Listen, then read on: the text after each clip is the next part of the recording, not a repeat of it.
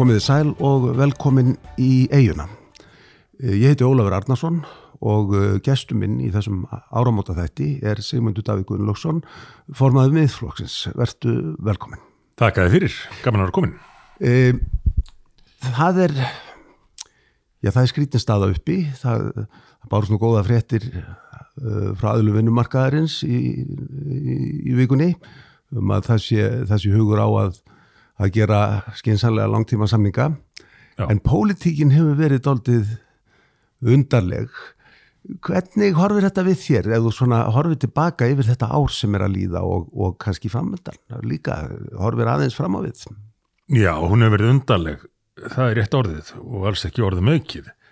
En þá er kannski rétt að líta aðeins tilbaka, eins og týðkast nú við áramót, og minnast þess hvernig til þessari ríkistjóðna var stopnað.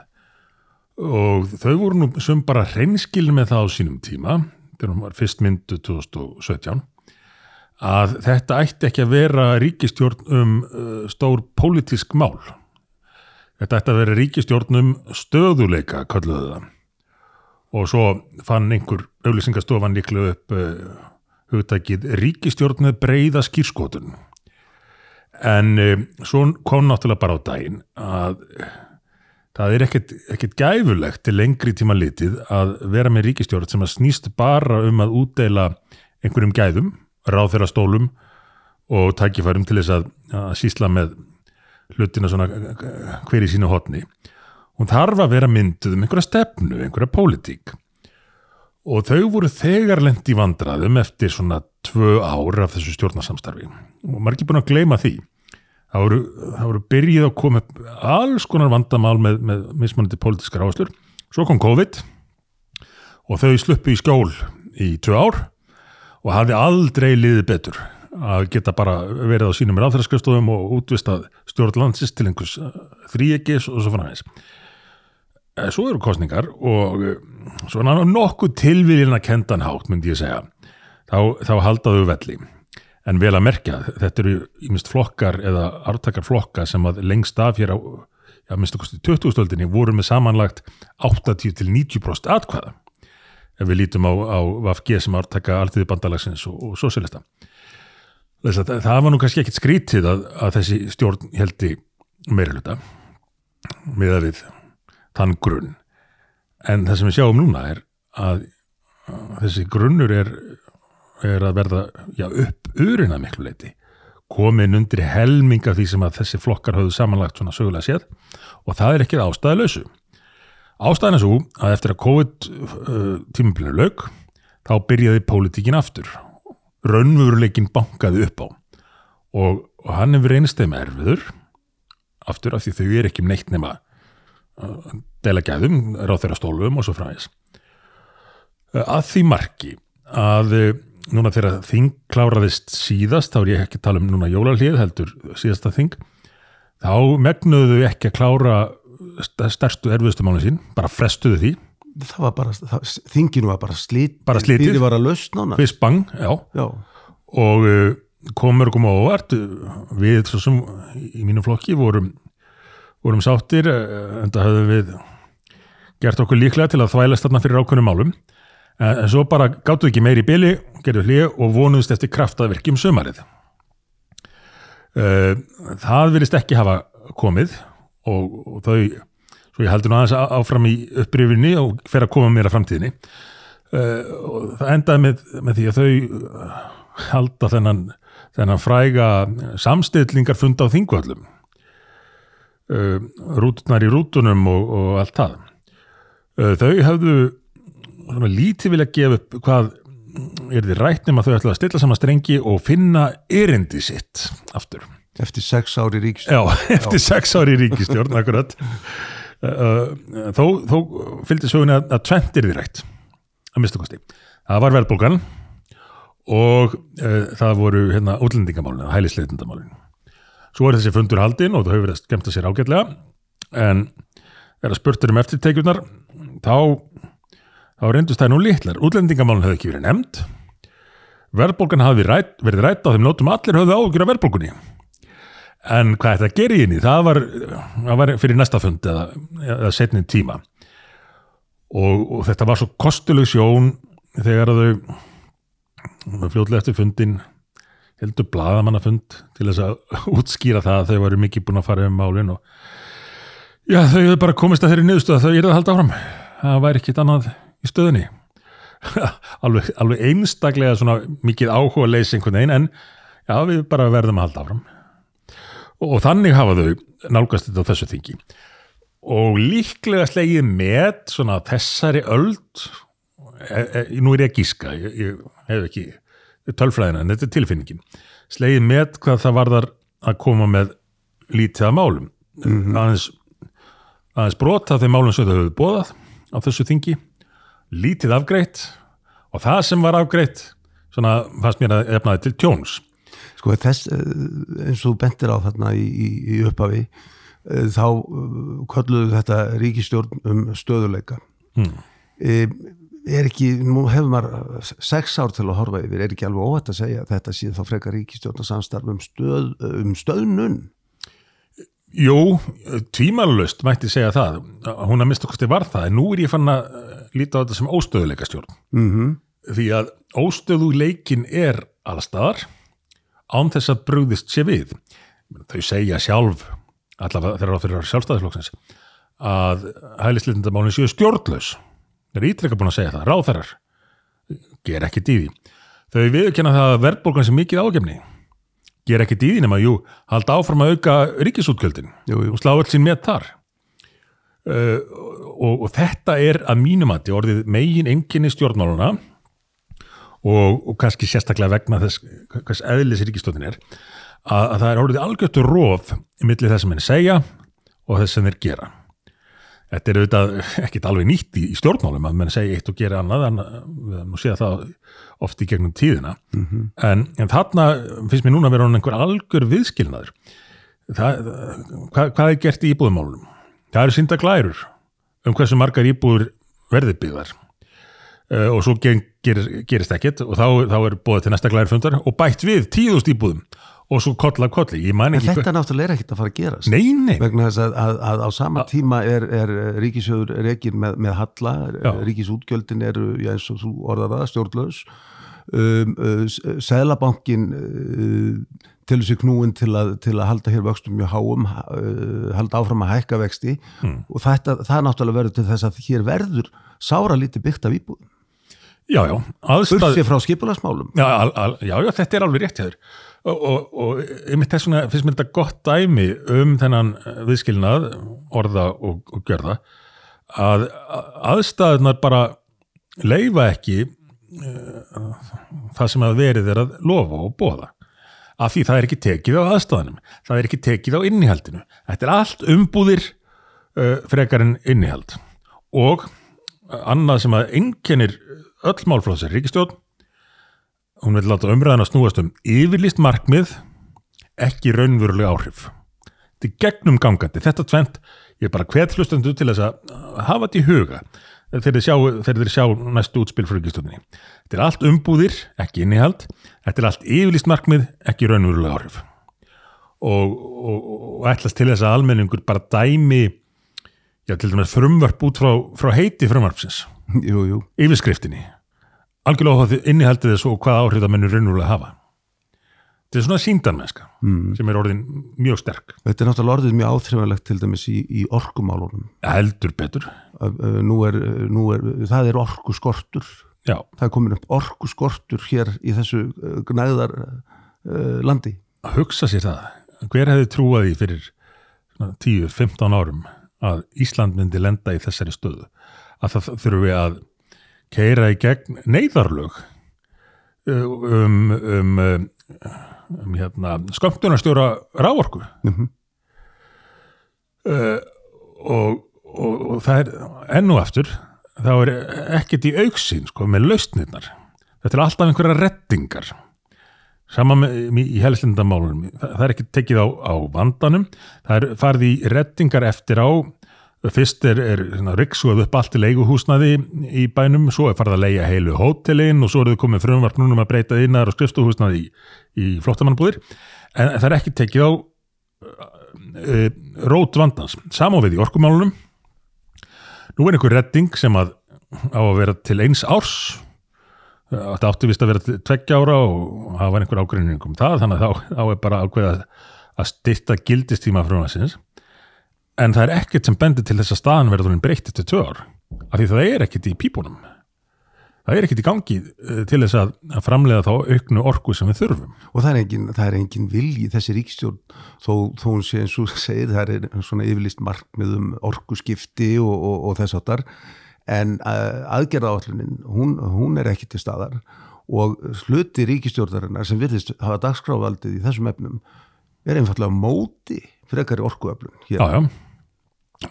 En þá má þó segja um sko, vinstir í græna að stefnan hjá þeim séu þetta fráleitt og þeir kalli þessu umhverfis vernda sinna en vilja ekki búið til græna orku sem er nú aldrei skortur af, á í heiminum. Þá má þó segja þetta er bara í, í samræmi við þeirra stefnu. Þeir eru bara á móti því að framkvæma hluti. móti samtímanum Já, já, já. Það, það, það er bara kannski máttu allir vita það og þar með talið þessir samstafsflokkar. En þessir samstafsflokkar, framsóknarflokkur og sjálfstæðisflokkur, eh, kendu sig nú jafnan við sko, framtaksemi eh, verðmæta sköpun og, og svo framvegis. En þeir hafa algjörlega, já ef ekki sofið á verðinu kakvart vinst í grænum, þá farið að, að reyna að þóknast þeim. Og ég hef nú stundum sagt að bent á að, að orku og lofslagsir á þeirra sjálfstæðisflokksins sé orðin það sem er kallað hérna í sjónvastáttunum næturvaktinni, illað vinstri græn hann er á margan hátt gengin lengra heldur en vinstri grænir í, í framkvæmdini að, minnstakosti uh, og maður heyrir að, að bakland þessara flokka eru þetta ekki sátt. En, en, En samt hefur ekki, forræði, hann hefur ekki fullt forræði yfir sínu málaflokki. Það var samið um það sérstaklega að, að hann skildi deila forræði til dæmis í lofslagsmálum með, með fósætisráð þeirra. Já, já, það er nú eitt allt, öll þessu uppstokkuna þetta bygg sem þurfti að ráðast í til þess að geta myndað þessa ríkistotn aftur og, og kom nú bara fram í fréttum núna uh, fyrir í mánuðunum að hefði kostað uh, eitthvað, vel á annan miljard þessu uppstokkun í ráðanetunum Og það var bara framkvæmdin sjálf. Sko, á, bara á framkvæmdi sínum- sjálf, á já, já, sínum tíma, sko. Já. akkurat, akkurat og sæði nú ekki alveg fyrir endan á þessu enda vissu ráðfræðnir lengi vil ekkit alveg hvaða hlutverk þeir hefðu. Ruggluðist jafnvel á heiti ráðaneyti síns og, og svo fræðis en, en þetta er óheppilegt eins og í, í svona málaflaki að, að það sé óljóst hver hafi forræðið. Þe- Þetta er á öðrum suðum líka. Útlendingamálunum var skipt millir dómsmálaráðanitis og, og félagsmálaráðanitis Já. og, og, svo talar þeirra bara algjörlega kross og, og fleiri dæmi mætti nefna. Eh, Þannig að þetta er, þetta er að verða dýr ríkistjórn. Það er að verða dýrt fyrir samfélagið að þau hafi ekki getað hugsa sér að að gera hlutin öðruvísi og bara áfram einbett sér að því að haldi í ráður stólana. Já, ef þú, eh, sko, nú, nú verður kosið í síðasta lagi, hvað, 20. september uh, 2025, Já, það verður bara lögum samkvæmt að kjósa ekki síðar en þá. Áttu von á því að, að það verði kjördagur eða áttu von á því að, að uh, í hangklæðinu verði hendin í ringin fyrir þann tíma? Uh, ég, ég tel allar líkur á að kostningarnar verði fyrir þann tíma en það er hins vegar mjög erfitt að spá fyrir um hvenær það gerist. Ástæðnar eru nokkrar, þar með talið eðli þessari ríkistjórnar svo réttum á hann hvernig til hann var stopnað uh, og ef að stopnað til ríkistjórnar bara um það að hald- fá einhverja stóla fremur hann að innlega einhverja stefnu þá, þá er límið í stólunum þeim er sterkara og, og menn kannski leifa sér bara að fresta eða líta fram hjá einhvern stefnumálum. En uh, svo bætast við kannanirnar sem að valda því að engin stjórnarflokkana telur þetta rétta tíman til að fara í kostningar En þetta, þetta bara vestnar og vestnar. og akkurat, þetta bara vestnar og vestnar og kemur sá tímapunktur að menn átti sig á því að þetta sé ekki að fara að lagast að kraftaverki sem þau byggðu eftir sé ekki að koma. Það hafa komið eldgós og fleira sem hefur kannski fleittum einhvað áfram aðeins. En, en þau hljóta á einhverjum tímapunkti, einhver þeirra að átti sig á því. Það er ekki að koma kraftaverk sem að bjargar þessari ríkistjórn eina fæðin enn. Og þá fyrir spurningin að vera þessi hver ætlar að verða fyrstur til þess að uh, stökkva í, í björgunabáttinn uh, fremur hann að sökkva með, með skipinu. Og segja, heyrðu þessi ríkistofn hefur nú gert eitt og annað og svona en nú bara verðum við að standa okkar prinsipi. Mhm. uh, og freystingin til að gera það mun aukast eftir því sem nær dregur óhjákvæmilegum kostningum uh, og þá gerist hitt líka að flokkarnir fara hver um sig að velta fyrir sér. Bíddu, gætu verið að þeir hinir séu að fara að slúta þessu og verða fyrstir til og taka prinsipið á þetta við viljum ekki sko, verða eftir verða síðastir til þess að viðkenna þetta sé búið. Með öðrum orðum uh, spennan ágerist eftir því sem nær dregur kostningum en svo er það svo er það neistin eða hvað það að kalla það sem að sprengir. Heldur að, sé, heldur að þetta- sé að gerast í öllum þremur flokkunum eða er þetta aðalega í sjálfstæðisflokki og vinstri grænum? Maður hefur á tilfinninguna að sé nú aðalega þar sem að sem að sko já, menn, menn séu orðnidaldi taugatrektir og, og uh, gætu hugsa sér að ljúka þessu. Ég held að þetta sé hárrétt mat. Uh, framsóknarflokkurinn uh, upplifir sig kannski bara í þeirri stöðu að að vera svona súkulaði í, í stjórnarsamstarfinu og, og vilja bara fá að fljóta með. En það er nú lítið til sín taka í, í þessum svona ágreiningi sem oft er á milli sjálfstæðis og, og, og VFG ráðþrætni þeirra bara að halda einhverja fundi og, spila einhverju út, einhverju lofunum þjóðarhöll og hvaðina, Jú, jú. vitandi það að þeir þurfa sinni ekki að gera neitt í því. Nei, það þarf ekki að standa við neitt. Nei, nei. Ef, það, ef það þarf að fara í gegnum þingið þá er nokkuð, nokkuð klárt mál fyrirfram að, að öll lofvord eru, eru bara uh, þau eru marklaus. Já, já, og, og þetta spilar kannski sérstaklega framsóknarflokkurinn svolítið á, hinn eru farin að gera það líka núna, að bara kasta fram alls konar lofurðum, vitandi það að þeir mun ekki þurfa að standa við það. Svo ímyndaðir sér að þeir getur bara sagt, já, við ætlum að gera þetta sko, bara aðstæður leifðu ekki og, Já, já. og svona.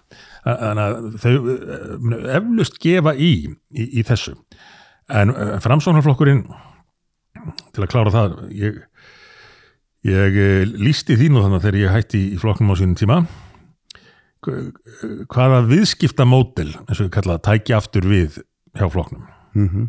og það var nokkur neina á þá leið að nú myndi flokkurinn bara aftur í það að ná allavega 10% fylgi að mista kosti nægu fylgi til þess að skipta mál eh, við stjórnarmyndun og vera þá til í hvað sem er með hverjum sem er eftir kostningar gegn því að fá stóla og tækifæri til þess að útluta gæðum.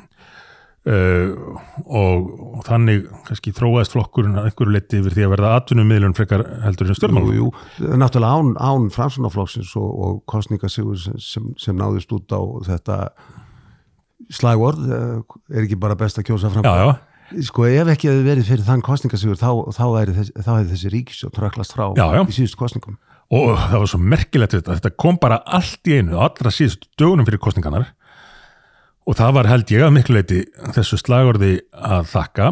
Slagorði sem, sem að þegar maður heyrði það fyrst maður held að væri vesta kostningaslagur uh, sögunar svo algjör uppgjöf einhvern veginn já, er þetta ekki- bara besta að kjósa framsókn? Er þetta ekki bara til í að sætt ykkur við það?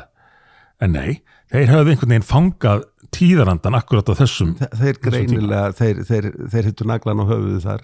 Já, og þetta er hluti af viðskiptamóndilinu að ráða alltaf einhverja auðlýsingastofu til þess að poppa sig upp svona fyrir kostningar, lofa öllu mögulegu, uh, en svo eftir kostningar þá vera til í, í, í hvað sem er. Uh, og ég held að framsóknarflokkurinn sé daldið í þeirri stöðu núna hann bara ímyndi sér hvað, hvað maður skiptir fylgið núna þegar það kemur á kostningum þá, þá finnum við einhver nýtt slagorð og Já, fólk verður búið að gleyma öllu hinnu. Þannig að framsókn já, uh, Svo náttúrulega það er neikvæða sem er að gerast í þessari ríkstjórn það Já. er nú dálítið bundi við vinstri græn og sjálfstæðisflokkin Já. Ramsóknarflokkurinn þó hann verði fyrir fylgistapi í könnunum að þá virðist hann sigla nokkuð lignan sjó Já, já, með því að, að bara gera sem minnst Já. fyrir utan stöku fundi sem að þeir jafnvel farin á svið annar ráð þeirra og lofa öllu mögulega Já, það hafi yfir höfðu rættað í ríkistjóninni en já, já, þeir eru svona þeir eru að, að þeir eru svona daldið kannski að leika hlutverk skilnaðabatsins í, í stjórnarsamstörunu spila á, á alla kanta. Já, en, en hvernig fer slagur sjálfstæðisflokks og vinstri græna Eh, mun eh, fylgistap sérstaklega VFG hafa áhrif á stöðuna mun það auka sjálfströst sjálfstæðisflokksins gagvart VFG maður hefði haldið það en ég hef ekki séð það gerast ennþá. Þeir eru, þeir eru ennþá svolítið litlir í sér og, og hrettir við að standa á sínu. Með öðrum orðum þetta er samt þetta er veikríkistjórn, hún mun ekki áorka neinu sem að heiti getur en hver verður neistinn sem að eh, fellir stjórnina verður til þess að einhver tekur á skara og segir, heyrðu, við getum ekki meira af þessu, nú bara nú bara er eitt okkar pissum það er náttúrulega eitt mál sem að menn áttu jafnvel vona að eru komið upp á, á borðið fyrir jól. Uh, það er beðið eftir áliti umbóðsmanns alþingis á stjórnsýslu Svandísa Svavastóttur Akkurat, í tengslu við kvalviðbannið það er eitt svona mál og þau hafa komið upp nokkur auðvitað undanförnu sem menn hafa velt fyrir sér er þetta, er þetta þúfan sem að veltir hlassinu og ég held að þurfi ekkert endilega mjög stóra þúfu núna því að vagnin er orðin mjög valtur mm uh, en hvaða verður er ómögulegt að segja um fyrirfram. Oft er það einhvað mál sem enginn sá fyrir sem að sem að setur þetta af stað. Með öðrum orðum svo ég sumir þetta nú upp ég held að þessi stjórn setji ekki út kjörtíðanbilið fáum við kostningar á, á næsta ári? Ég held að já. Já, af því að ef þú ert komin fram yfir næstu áramót og ert ennþá þessari stjórn og ekkert gengur þá svona styttist hrætt ég það að fara að líta hallarislega út fyrir þann sem ætlar að vera fyrstur til þess að segja, heyrðu, já það er enda kostningar hérna alveg að koma en, en við ætlum að sína við sem prinsipflokkur og slíta þessu. Já, já, það, þá, þá hefur verið að fórna frekar litlu fyrir uh, ímynduð prinsip. Mm Þannig já, á, á nýjárunu, 2024 ætli að spáði að verði kostningar en svo auðvitað kemur inn í þetta líka að það eru fórsetakostningar það Jú, ekki á, á þessu nýjári það eru fórsetakostningar væntanlega í, júni held ég, já, uh, og það myndi væntanlega, maður heyri það svona á þeim sem velta þessu mikið fyrir sér að það gæti þvælstáldi fyrir og, og uh, jafnvel, jafnvel tryggt það að ef það verða þingkostningar á árinu þá eru það ekki fyrir, fyrir í haust. Já. Það þykir fara illa á því að hafa þing og fórsetakostningar á sama tíma. Já, þetta geta aðeins ruglað myndina ef svo maður segja, eða sett strik í reikningin mm hvað varðar langþráð uh, langþráð, langþráð starfslokk þessari ríkistofnar Já, en hvernig ef við horfum aðeins á þetta gefum okkur það nú gefum okkur það nú bara verið kosið í haust. Hmm. uh, Samkvæmt skoðanakonunum þá gæti flokkur fórsætsráð þeirra þurkast út af þingi svona er, hann er alveg á þeim mörgum Já. það er alveg innan skekkjumarka að hann, hann uh, þurkist af þingi já, Nú reynslan segir okkur reyndar að, að, að væntanlega fá flokkar eins og sjálfstæðisflokkurinn og, og framsóknarflokkurinn og, og vinstri grænir eitthvað meira í, í, upp úr kjörkossum en, en skoðanakannanir eru að mæla. já, Það er meðal annars vegna þess að, að, að flokkar eins og píratar og, og sósjalistaflokkurinn eru að mælast sterkar í skoðanakannunum en þeir, þeir gerna mæla, mælast upp úr, upp úr kjörkossunum. já. Uh, hvernig, hvaða ríkistjórna minnstu sér þú sem líklegast eftir, eftir næstu kostningar? Sko ég er nú bæði í alvöru og gríni farin að, að spá því að e- ef þessir flokkar fá fylgi til, þá getum við hort fram á nýja ríkistjórn sjálfstæðisflokks og samfylkingar Já, að því að sko, þeir eru það orðin er nú erfitt fyrir, fyrir uh, nýjan formann samfélkingarinnar að, að já, já, lítja það mál gagvart, gagvart sínu uh, fólki, sínu- sínu fólki. já en ég, ég meina, hún geti fóðrað það einhvern veginn, þurfum við bara endur, endur tekið þetta gamla, nú þurfum við stöðuleika stjórn og og við þurfum að ná, hérna, ná saman um mikilvæg úrlausnarefni eins og orkuna og eitt og annað. Sko, Kristrún náttúrulega setti hérna, stjórnarskrana á Evrópumálin faldi það inn í skáp inn í hún bara tók skáp. þau út að dagskrá Já, já. þau mál, hvað, hvað hann var ára samfélkinguna já, og sjálfstæðisflokkurinn er orðin alltaf samfél, meira og meira samfélkingarlegur ég eh, það er nú langt síðan ég byrjaði að tala um að sjálf, sjálfstæðsflokkurinn var orðin eins og samfélkingin var svona cirka 2007 mm.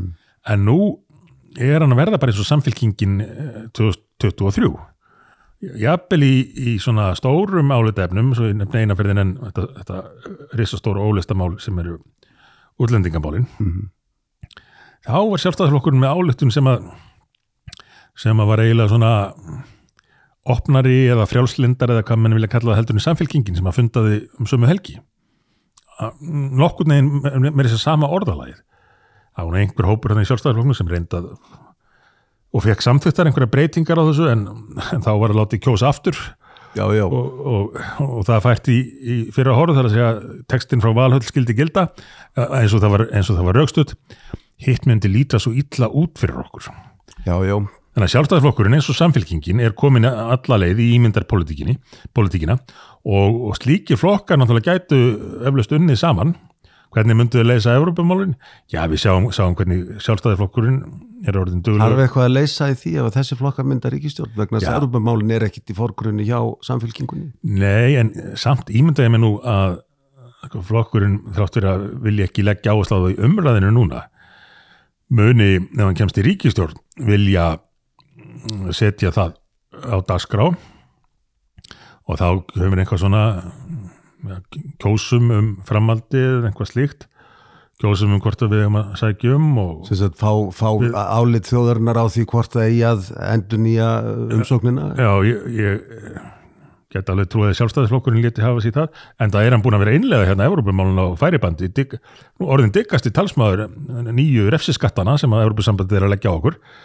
Og, og, hek ekki við að samþekja eins og þessa flugskatta fyrir, fyrir það að fá tveggja þryggjára aðlunar frest og þannig segja ekki bara það sama í Evropamálum, já, við þurfum bara aðlun Er það eh, bara svo eh, aðeins eh, vikjum talin að miðflokknum? og Um, uh, væri miðflokk, er það alger frágangspunktur fyrir, fyrir miðflokkin að, að til dæmis farin í ríkistjórnarsanstarf þar sem það er hluti af stjórnarsáttmála að, að uh, leifa þjóðinni að, að uh, segja sitt uh, um það hvort uh, já, sérstaklega aðtöðagreyslu hvort uh, það ætti að endur nýja umsókn eða sækjum, sækjum aðild að Európa-samvættinu Já, sko, í fyrsta lagi e, þá finnst mér það þurfa að vera fyrsta skrefið ef menn er að spá í aðalda Európusambandinu að, að þjóðin greið atkvæðum það hvort hún vilji ganga en, og þá þurfa menn að gera sér grein fyrir því hvað í því felst. E, en það mun leiða til e, mikillar baróttu í samfélaginu í eitt, eitt og hálft ár eða hver sem aðdrandin verður. Uh, og ég, mér finnst ég ekki skynja það að eins og þú aðeins vextað á hann að þetta sé uh, talið af almenningi það aðkallandi mál núna að við höfum að steipa okkur í slíkan slag á meðan allt hitt er, er í já, nánastu rjúkandi rúst. Með öðrum orðum við þurfum að byrja á, á að vinna upp allt það sem að þessi ríkistónd er búin að vanrækja uh, áður en að við förum að velta fyrir okkur uh, Evrópusambandsaðild. Og Evrópusambandið þetta er mikill þróun eins og sækir standa. Þannig að ég held að jafnvel áhugasamt, fólk sem er áhugasamt með alltaf Evrópusambandinu hafi uh, enga tapa þó að að við býðum aðeins með að fara í það stríð. Mm þú, þú talar um þennan möguleika að það, það sé alls ekki ólíklegast útkoman að, að eftir næstu kostningar verði mynduð væntalega þú undir fórsætti samfylkingarinnar, undir fórsætti mm. Kristrúnar, uh, ríkistjórn uh, samfylkingar og sjálfstæðarflokks uh, uh, en ef við horfum á það að, að nú er þetta stjórnaflokkar muni væntalega bæta þessi fylgi frá þessum daburlegu skoðanakonunum mm sem, að, sem að eru fyrir, fyrir þá núna. Um, væntalega na- uh, það er nú langsótt að þeir muni uh, halda, halda velli sem, sem er hlutastjórn já. um, Sér þú fyrir þér eh, einhverjar kringustæðu þar sem meðflokkurinn gæti gengið til samstarfs við þessa þrjá flokka sem nú eru í ríkistjórn? Uh, ég, ég held að það færi nú uh, mjög illa á því svona í ljósi reynslunar af þessari ríkistjórn að, að við færum bara í hlutverk svaradeks til að halda henni skröltandi áfram ég, ég sé það ekki fyrir mér en, eh, en alltaf þegar líður að kostningum og nú líður að kostningum hvernig það verða, Já, já. þá fær maður þessa spurningu með hverjum viljið þið fara í, í samstarf? Og uh, stjórnmálamenninir og ég þar með talið svara alltaf á sama hátt. Já það fer eftir þetta málefnunum og svona. Sem að, jú, er alveg rétt svar kosti mínu tilviki, ég nálgast politíkina út frá málefnunum fyrst og fremst og er ekki til í að stökkva í ríkistótt bara til að vera í ríkistótt Mhm. en svo er hitt líka uh, sem að ég tel nú að sé ástæðan fyrir því að stjórnmálamennir eru treyir til að svara þessari spurningu að þeir óttast að það svona veiki stöðu eigin flokks þegar að kemur að viðræðum eftir kostningar Mhm. að vera búnir að segja og, og mikið um að þeir vilji bara vera með þessum eða, eða þessum.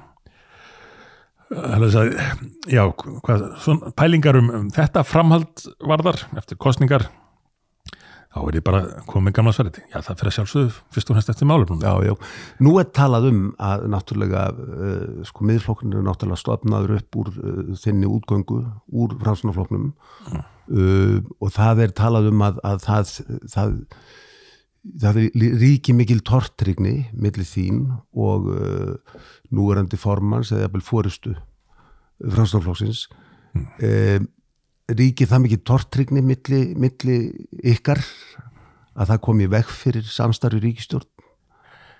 Neini og, og hefði svo sem ekki gert 2017 heldur þegar að, þegar að sjálf, ég er nú búin að gera mikið grín að, sjálfstæðismannunum þegar að þeir sko töldu að það veri engin önnur ríkistjórn í, í spilunum heldur en þessi af því að uh, af því uh, við getum ekki unni með framsóknarfloknum Mm.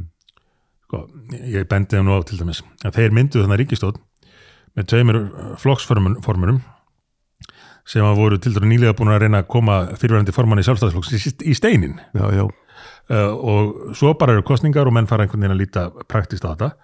Og, og þannig verður maður að nálgast samstarfi stjórnmálum Sjá, samstarfi pólitík við ríkistjórnarmyndun á ekki að snúast um það uh, hver eru bestu vinirnir nei, Eh, það er að mínum mati í, rauninni svik við kjósendur ef þú ferð að líta á ríkistjórn sem einhvern vinaklúb það eru margir sem segja að þessi ríkistjórn sé einmitt myndudaldið þeim forsendum að það ríki vinátta og trúnaður milli uh, Katrínar Já. og Bjarnar Benditssonar reyndar sem virðist nú eitthvað, eitthvað vera farðin að súrna ef markam á samskiptin í sambandi við atkvæðagreisluna hjá saminu þjóðunum varðandi, Já, já. varðandi uh, Hamas og það já, já, það er bara enn eitt dæmið um, um hvað, hvað þessi mjólk er að verða súr en, en hvað, akkurat þetta sem hún nefnir að ríkistóðin hangi saman á því að þeim komi vel saman þessum þremur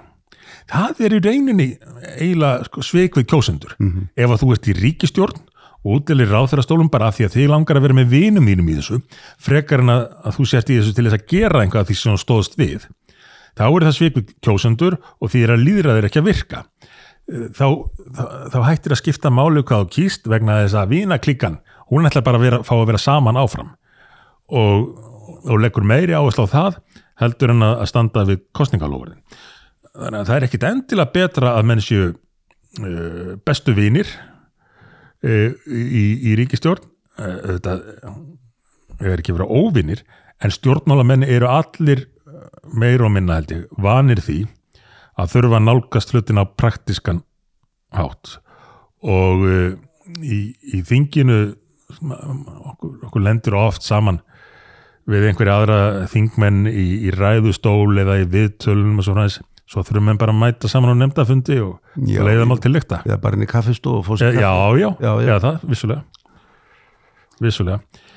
Þannig ég, ég fyrst, fyrst og fremst vonast til þess að það verði breyting á hvað næstu ríkistjóðn varðar að hún verði pólitísk ríkistjóðn með stefnu og að flokkarnir sem hana mynda hverju sem það verða séu kominir í stjórn til þess að standa við þess að þeir lofa.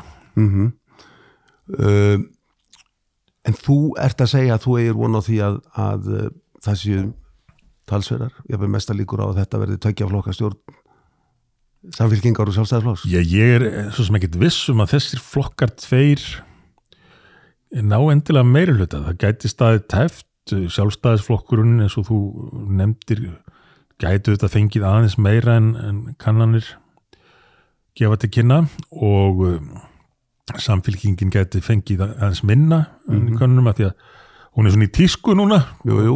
það er ekkit vist að, að það skilir sér allt á, á endanum. mikið fylgi uh, í skoðanakonunum á miðju kjörtjánabíl er ekki endilega ávísun á að það fylgi kom upp úr kjörkvarsunum Nei, nei, það er eina sem að skoðanakonun á miðju kjörtífambili segir manni hvernig kostningarna fara ekki.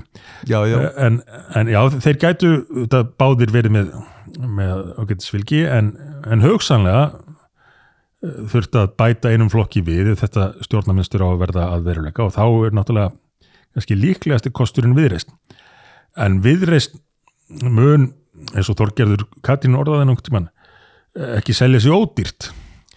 Og, og uh, það mun þá hafa áhrif ef þeir ætla að kipa viðreist þannig inn á á, á stefnu rík, ríkistjónarinnar eflauslega, en, en Já, nú er ég kannski komin aðeins fram úr mér farin að mynda hérna ríkistjónin fyrir aðra. Já, já, já viðreist náttúrulega það, það er erfitt að sjá fyrir sér að viðreist sé til viðræðu um þáttöku ríkistjórn öðru vís en að Európumálinn séu sett Nei, nei, á borðið á dagskrá með einhverjum hætti. Akkurat. Uh, er einhverju flokkar sem að þú sérð miðflokkin ekki geta unni með í ríkistjórn einhver ríkistjórn sem þú sérð miðflokkin ekki geta starfað í? Já, fyrirfram hefði maður náttúrulega sagt eins og, eins og flestir hérna flokkana að pírata séu nú kannski uh, ólíklegastir verandi þau ólíkinda tól sem þeir eru. En svo bara upplifum að það geta átt ágættis ágættis samstarfið stöku pírata þarna í, í þinginu. Þótt er, já þótt því sem ekki alveg á þeirra línu á, á öllum sviðum en svo, svo kemur kannski ekki óvart. Nei, nei, en það er náttúrulega kannski meðal annars út af samsetningu þessari ríkistjórnar að þá er, þá er stjórnaranstaðan þó hún njóti núna mun meira fylgis en, en uh, ríkistjórnin í, í skoðanakonunum að þá er stjórnaranstaðan kannski ósamstæðari en uh, oft er mm að því að við erum náttúrulega með flokkana til hægri og til vinstri Já, í þessari ríkistjórn og miðjuflokkin þannig að við erum, með, við erum, eiginlega með, við erum ekki með þessar svona, þessar fylkingar sem að Nei, nei. maður er vanur að sjá Nei, nei, alveg hár rétt og uh, það er bara eðlimálsins sangkvæmt að, að stjórnar anstöðuflokkanir, þeir velja sig ekki saman. Nei, nei, Uh, þeir mynda ekki einhvern sáttmála og er ekki að berjast fyrir sumul hlutunum. Þegar þannig pyrrna mig stundum aðeins að þeir eru í, þeir í fjölmjölum er verið að segja sko, stjórnaranstæðan segir þetta, stjórnaranstæðan segir hitt. Stjórnaranstæðan er ekki ein eining, hún er bara samansafna þeim flokkum sem er ekki í ríkistjórn já, já, og eiga að hafa það hlutverk að veita ríkistjórnina aðhald hver úr sinni áttinni. Og við í miðflokknu tölunum stundum um, um stjórnaranstöðu A og stjórnaranstöðu B. Mm uh, þar sem að við erum stjórnaranstöða A og eiginlega restina af stjórnaranstöðinu stjórnaranstöða B. Já, því að við erum stundum svolítið sér á parti gagvart restina af stjórnaranstöðinu en svo auðvitað er allur gangur á þessu eins og flokkur fólksins getur verið hér eða þar og, já, maður sér það að, að flokkur fólksins, hann á, hann á ágæta samleið með, með, með miðflokknum í, í ákveðnum málum já, já, og, og síður í öðrum. Já, já, þannig að hann er svona, já, eins og þú segir, hann er svona, hann er, hann er með annan fótinn í, í A og hinn í B. Einmitt, já, akkurat, það er alveg rétt. Og uh, uh, en uh, sko ef maður horfir á þetta þá af þeim, af þeim sko flokkum sem er í stjórnaranstöðinni uh, þá, þá finnst manni einhvern veginn miðflokkurinn hann kunni að vera, vera kannski sá, sá flokkur sem að uh, ætti auðveldast með að ná uh, málefnalegri samstöðu með, ég allavega að segja um sjálfstæðisflokki og framsóknarflokki. Uh, kannski ekki, ekki vinstri grænum en maður hefði nú ekki séð það fyrir kannski að þessi ríkistjórn er mynduð á sínum tíma. Nei, uh, en, en sérðu fyrir þér að, að, að framsókn og sjálfstæðisflokkur hendi vinstri grænum út, kannski að það er sjálfgert ef þeir ekki náinn á þing mm uh, í næstu kostningum uh, og, og reyni, reyni að, að styrkja, að, að ná þingmeiri hluta með samstarfi við segjum miðflokkin já, já, það, það þyrfti nú kannski meir en bara miðflokkin til að styrkja til að ná, ná uh, meiri hluta en það er þó ekkert þetta fullur um það En það geti, geti alveg nást meiri hluti þannig en ég hef með myndi nefnt það að sjálfstæðisflokkurinn getur staðið sér ágætlega þegar hann er í réttum félagskap. mm. Hann er svona eins og, þeir eru svona daldið eins og hjá, hjá krökkunum, sko, sögumir geta bara staðið sér bísna vel ef þeir eru í réttu umhverju, réttum félagskap en ef þeir lendi í slömmum félagskap þá bara fer einhvern veginn allt í, í, í súgin og það er svolítið stað sjálfstæðisflokksins. Að framistæðans ræðist af, af félagskapnum þannig að fyrir þá sem að vilja að sjálfstæðisflokkurinn finni aftur það góða í grunnstefnu sinni. Þá er eiginlega ennþá mikilvægur að, að kjósa þá sem að geta fært sjálfstæðisflokkin á rétta braut heldur en að kjósa sjálfstæðisflokkin sjálfan. Mm. því ef að sjálfstæðisflokkurinn í því ástandi sem hann er núna fær aftur umtalsverðan stuðning þá mun hann bara halda áfram að haga sér eins og hann hefur gert Mm -hmm. á, á, síðustu árum. Fyrir vikið held ég að það væri já, besta fyrir þá sem að þykir væntum gömlu gildin gömlu góðu gildin hjá flokknum að, að svona minna aðeins á að, að stuðningurinn sé ekki sjálfgefin ef hann uh, færist af, af leið. Já, það, er nú oft talað um að, að já, menn telja sér sjá það dálítið, að fyr, það sé talsvert flögt og fylgi milli meðal annars sjálfstæðisflokksins og miðflokksins. Já, að, en- að, að, að einhverju leiti séu þessi flokkar uh, á sömu miðum. Já, sko, fólk gerir ráð fyrir því. En, en það er ekki alveg uh, ekki alveg endilega alltaf þannig. Og, og það sama á við um framsáknarflokkin og ég hef sagt við vinni mína í þessum flokkum báðum. Þið, þið verðið að hætta að hafa fyrst og fremst áhugjur af okkur. Uh, hlutverkið á að vera það ef, að, ef að við lítum á okkur svona sem borgarlega sinnaða flokka og það sama mættir reyndar að segja um, um fleiri flokka kallaða borgarlega sinnaða er að stækka mengið mm. sem er til í að kjósa slíka flokka. Þetta er ekki uh, zero sum game. Þannig til þess fengum við uh, mjög gott fylgi í Gallup uh, núna síðast, það, það mesta í, í, í langan tíma. Uh, en sjálfstæðarflokkurinn var í lágmarki í, með 19,8% Mm sem er minnsta fylgi sem hann hefur fengið en hann hefur einu sinni áður fengið að breyti fylgi, það var árinu 2022 Mm. þá fór hann líka í 19,8% en þá voru við í 4, eitthvað.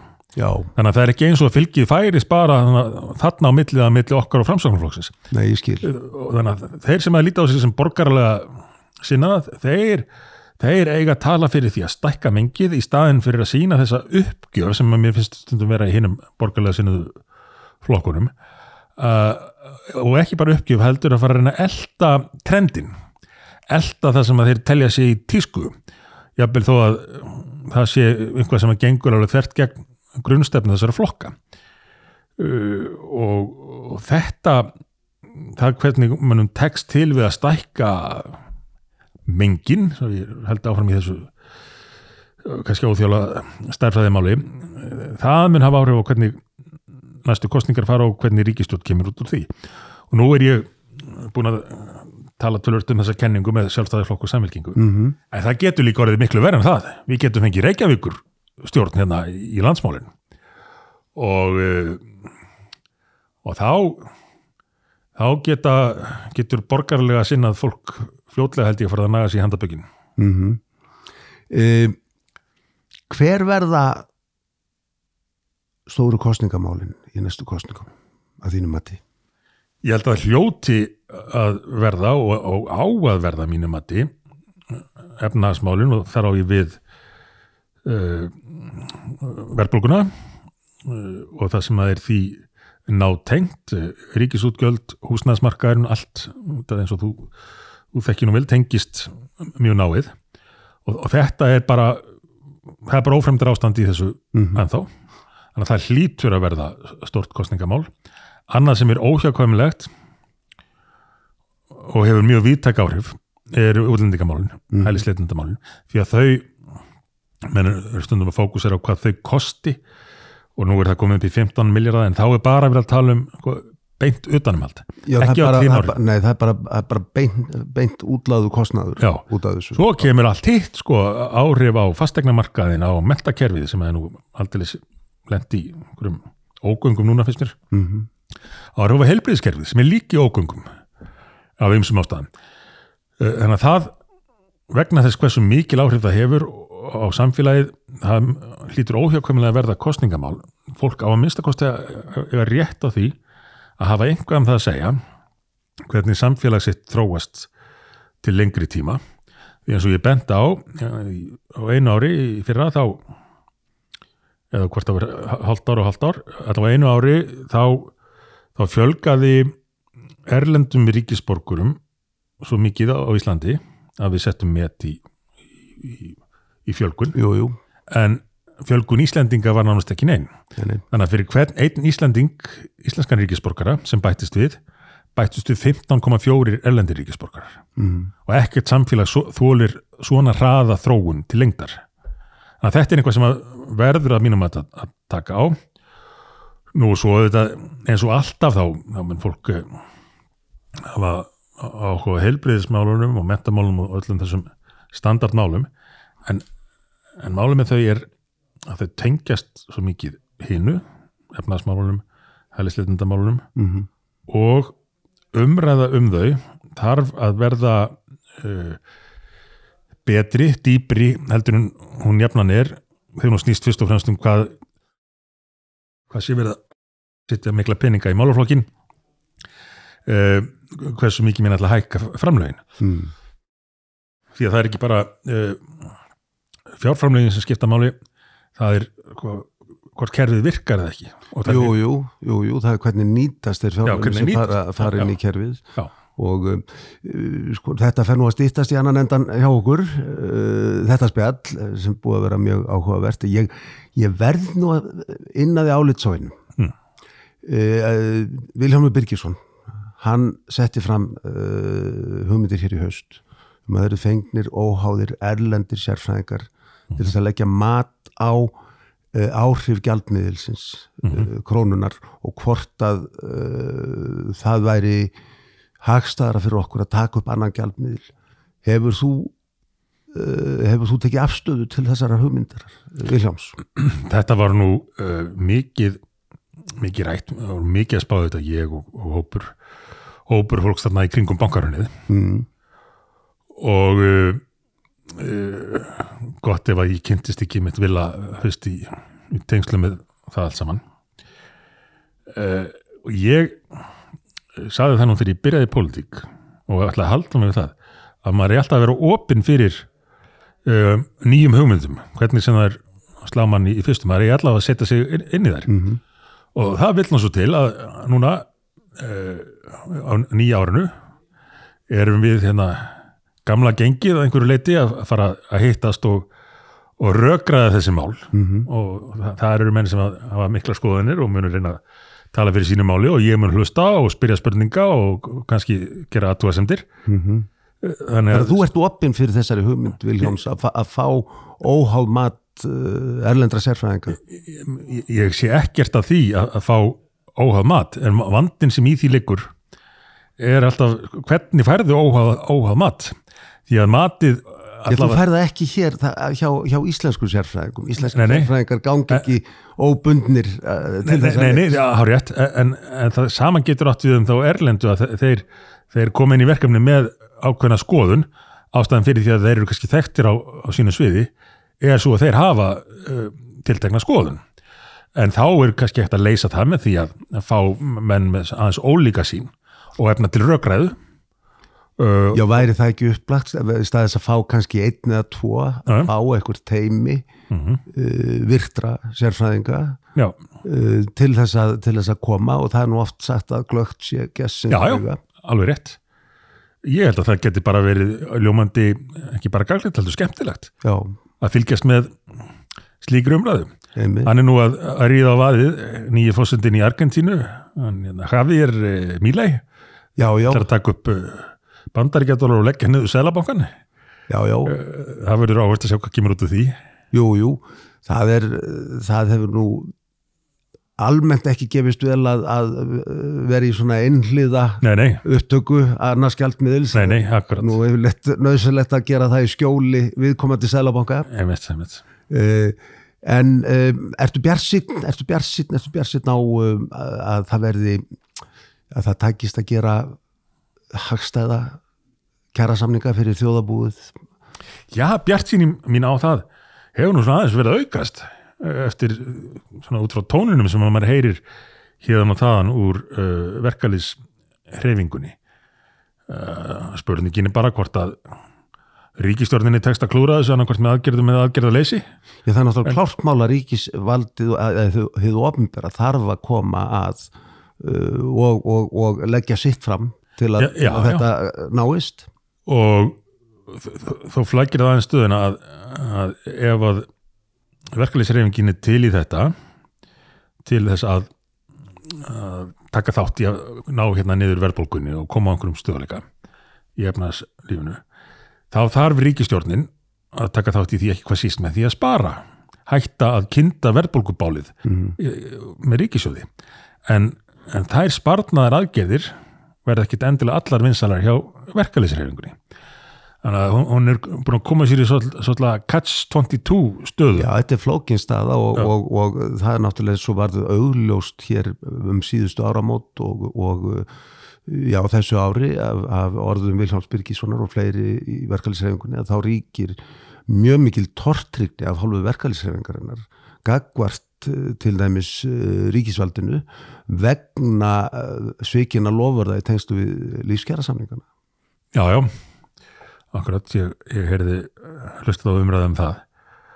Og, og það sama og ég bel við kakvart atvinnur eitthvað þeir til, til dæmis stöldu sér sveikna verðandi tryggingagjaldið á, á já, já, já. Og, og það það hjálpar auðvitað ekki til við kjærasamningagerð ef að menn treysta ekki á uh, á orð ríkistjórnar, stjórnvalda. En en, en kannski, kannski bara ríkistjórnin þá reynir meira að halda sér til hljés í þessum kjæra samningum sem að gæti gæti verið bara fyrir bestu. En uh, þeir verða að koma borðinu vegna þess að, að ef að já, verkefælisefingin hún náttúrulega gerir hún gerir kröfur sem að taka mið af þeirri skerðingur ásöðunatekna sem hafa orðið út af, út af hækkun húsnæðiskostnaðar út, út, út af miklu, miklu meiri greiðslubyrði af, af húsnæðislánum. Já, já. Uh, ef að þeir þurfa að sækja það til atunlífsins í gegnum launahækkanir þá náttúrulega ljósta við erum komin í eitthvað, eitthvað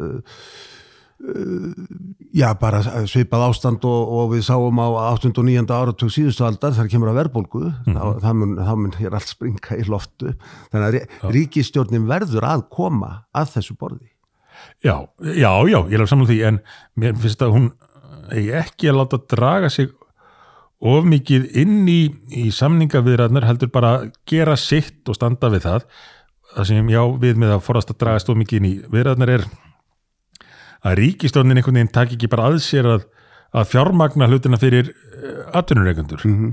uh, þeir verða bara sjálfur að geta samið á fórsundum sem að þeir geta sætt sér við uh, því að ef að ríkistofnin ætlar einhvað að fara að borga í milli umfram bara það að gera sem er eðlilegt eins og í húsnæðismálunum mm -hmm.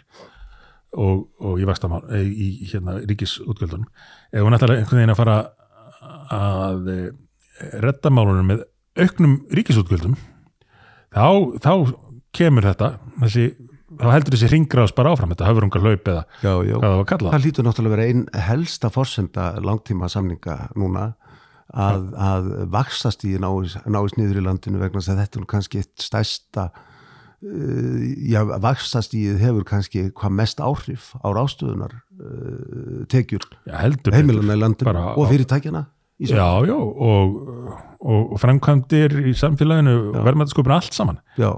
Það er stóra málið og, og þar verður ríki, ríkið að minnstakosti að, að hætta að kinda bálið já. og helst að taka þátt í að slökka það. Helst að taka þátt í að slökka það, hætta að kinda. Yep. Sigmundur Davíð Gunnlaugsson, eh, þakka þér fyrir komuna. Takk fyrir mig. Takk fyrir gott spjall. Eh, góður hlustendur, Uh, við þökkum fyrir okkur á uh, árinu sem er að líða. Uh, við heyrumst aftur á nýja ári, gleðelt ár. Gleðilegt ár.